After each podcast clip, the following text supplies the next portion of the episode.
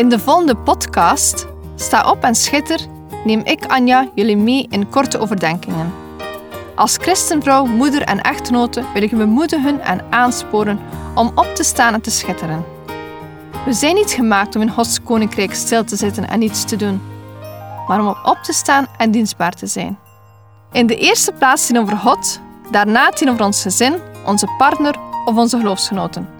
En als gevolg zullen we dan ook schitteren in de wereld. Neem je Bijbel bij de hand, want zonder Bijbel zijn we als een kok zonder eten of een zanger zonder stem. Dus luister naar, sta op en schitter.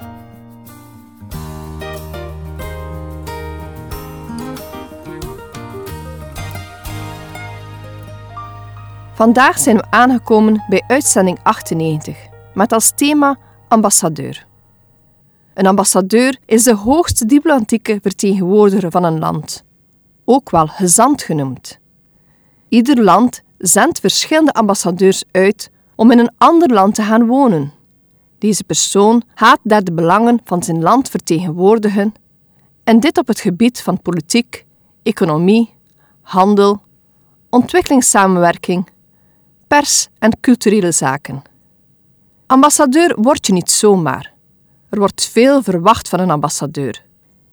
Deze moet goed kunnen omgaan met mensen, kennis hebben van zijn eigen land, maar ook van het land waar hij of zij woont. Deze persoon moet ook leiding kunnen geven aan de medewerkers op de ambassade. Het spreken van verschillende talen in deze job is dan ook vanzelfsprekend. In de Bijbel wordt er ook gesproken over ambassadeurs of gezanten. In 2 Korinthe 5, vers 20 staat: Wij zijn dan gezanten namens Christus, alsof God zelf door ons smeekt. Namens Christus smeken wij. Laat u met God verzoenen. Wij zijn gezanten, ambassadeurs van God. In het Bijbelgedeelte dat ik zo net las, gaat het over verzoening. Wij mogen als ambassadeur van God mensen aansporen om verzoening te zoeken bij God. Als ambassadeur mogen we spreken uit naam van God.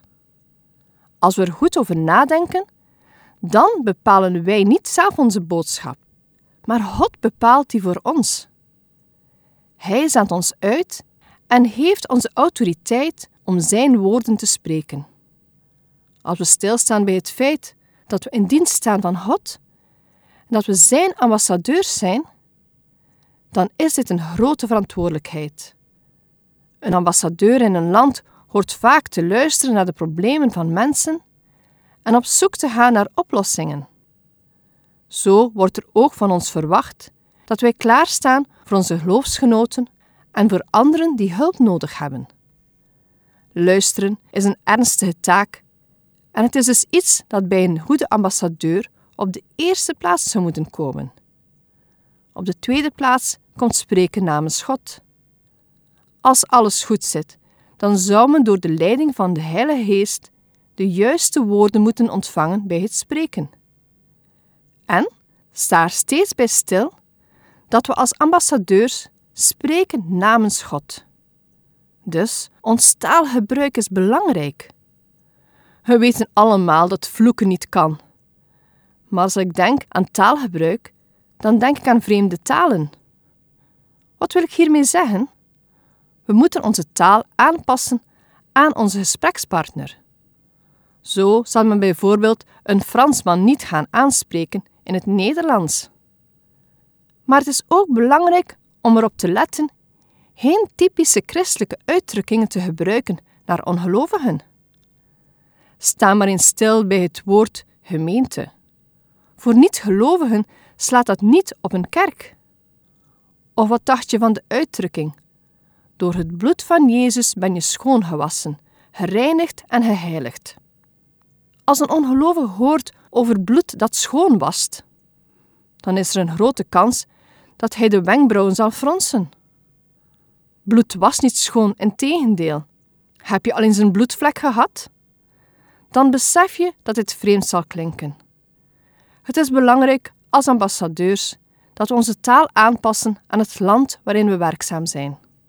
Ook Paulus spreekt over een gezante, en dit in Efeze 6, versen 19 en 20, waar staat: Bid ook voor mij, omdat mij het woord gegeven wordt bij het openen van mijn mond, om met vrijmoedigheid het geheimenis van het evangelie bekend te maken, waarvan ik een gezant ben in ketenen, omdat ik daarin vrijmoedig mag spreken, zoals ik moet spreken. Paulus zag zichzelf als een gezant, een ambassadeur van God. Hij had een taak te vervullen en niets of niemand kon hem hierin tegenhouden. Paulus was overtuigd dat God hem de taak van ambassadeur had gegeven. En zoals ik al zei, niets kon hem stoppen om deze taak te vervullen. Geen gevangenis, geen boeien, niets. Het leek erop dat Paulus zijn missie en zijn taak zo eigen maakte dat het zijn hele leven in beslag nam. Het werd Paulus zijn identiteit. Als ik denk aan onze identiteit, dan denk ik aan mijn paspoort. Ik gebruik mijn paspoort om naar andere werelddelen te reizen. Op mijn paspoort staat duidelijk dat ik Belg ben. Dit verandert niet wanneer ik naar een ander land reis of er verblijf. Ik blijf altijd Belg. Mijn paspoort is een officieel document dat mij identificeert als burger van België en dit ook bewijst. Zonder deze identiteit kunnen landen mij weigeren om binnen te komen. Wist je dat een paspoort staatseigendom is? Wie zijn paspoort verliest, dient daarvan aangifte te doen bij de politie. Ons geestelijk paspoort gaat veel verder. Daarvoor wil ik Efezer 1 bekijken en dit vertellen in mijn eigen woorden. Op ons paspoort staat het volgende: God heeft ons in Jezus vanuit de hemel gezegend. Hij heeft ons in Hem uitgekozen om Zijn kinderen te zijn. Hij heeft ons gered en ontvangen de genade. Hij heeft zijn plan aan ons bekendgemaakt. Wij zijn zijn erfgenamen. Ik vind dit een prachtig paspoort. En we kunnen nog veel aan toevoegen via andere Bijbelteksten. Onder andere, we zijn heilig, wonderlijk gemaakt, geliefd, uitgekozen, vrij en vriend van Jezus. Als ambassadeurs van God mogen we ons deze identiteit eigen maken en er zo naar leven. Elk paspoort heeft ook meerdere kenmerken van echtheid. Eén ervan is een schaduwwatermerk. Vroeger kende men geen watermerken, maar wel stempels. Een stempel van toen had dus te maken met echtheid, met eigendomsrechten en daarom ook met bescherming. Net als watermerken nu. Zo draagt ook elk kind van God een kenmerk, een goddelijke stempel, en dat is de Heilige Geest. Dus Bovenop alles wat op ons geestelijk paspoort staat, staat er ook een stempel van de Heilige Geest.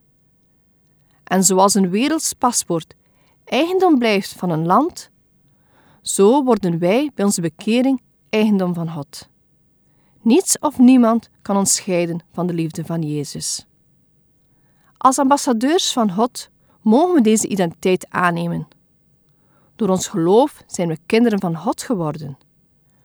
Het maakt daarbij niet uit wie je bent, hoe je denkt en van welke kerk je lid bent. Toen Jezus aan het kruis stierf en vervolgens opstond uit de dood, vertegenwoordigde hij namelijk al zijn kinderen. Wat hij toen gedaan heeft, heeft hij voor ons allemaal gedaan. Paulus was zich zeer bewust van zijn taak als gezant van Jezus, namelijk het evangelie brengen. Zijn gevangenschap stond deze taak niet in de weg. Paulus is een voorbeeld van moed en volharding. Hij zette zijn eigen belangen aan de kant om zijn taak te kunnen uitvoeren. Wij zijn ook ambassadeurs en mogen de belangen van Jezus behartigen. We mogen uitdelen en doorgeven wat we van Jezus ontvangen hebben. Als ambassadeurs mogen beseffen: het beste wat ik die ander kan geven, komt bij Jezus vandaan. Met mijn wereldse paspoort kan ik op reis. Ik kan een toerist zijn die aan het strand ligt te zonnen, bezienswaardigheden gaat bekijken en lekker lui in de stoel kan hangen.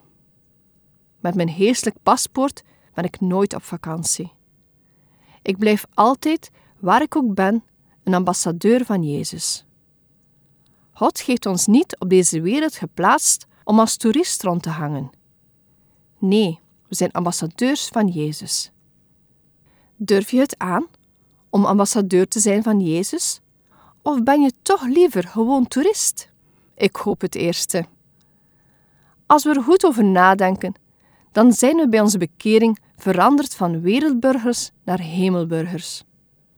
Ons leven hier op aarde is maar zeer kort. En we mogen dan ook ten volle benutten om aan het werk te gaan als ambassadeurs van Jezus.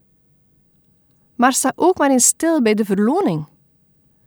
Het loon van een wereldse ambassadeur is groot, maar het loon als ambassadeur van Jezus is nog veel groter.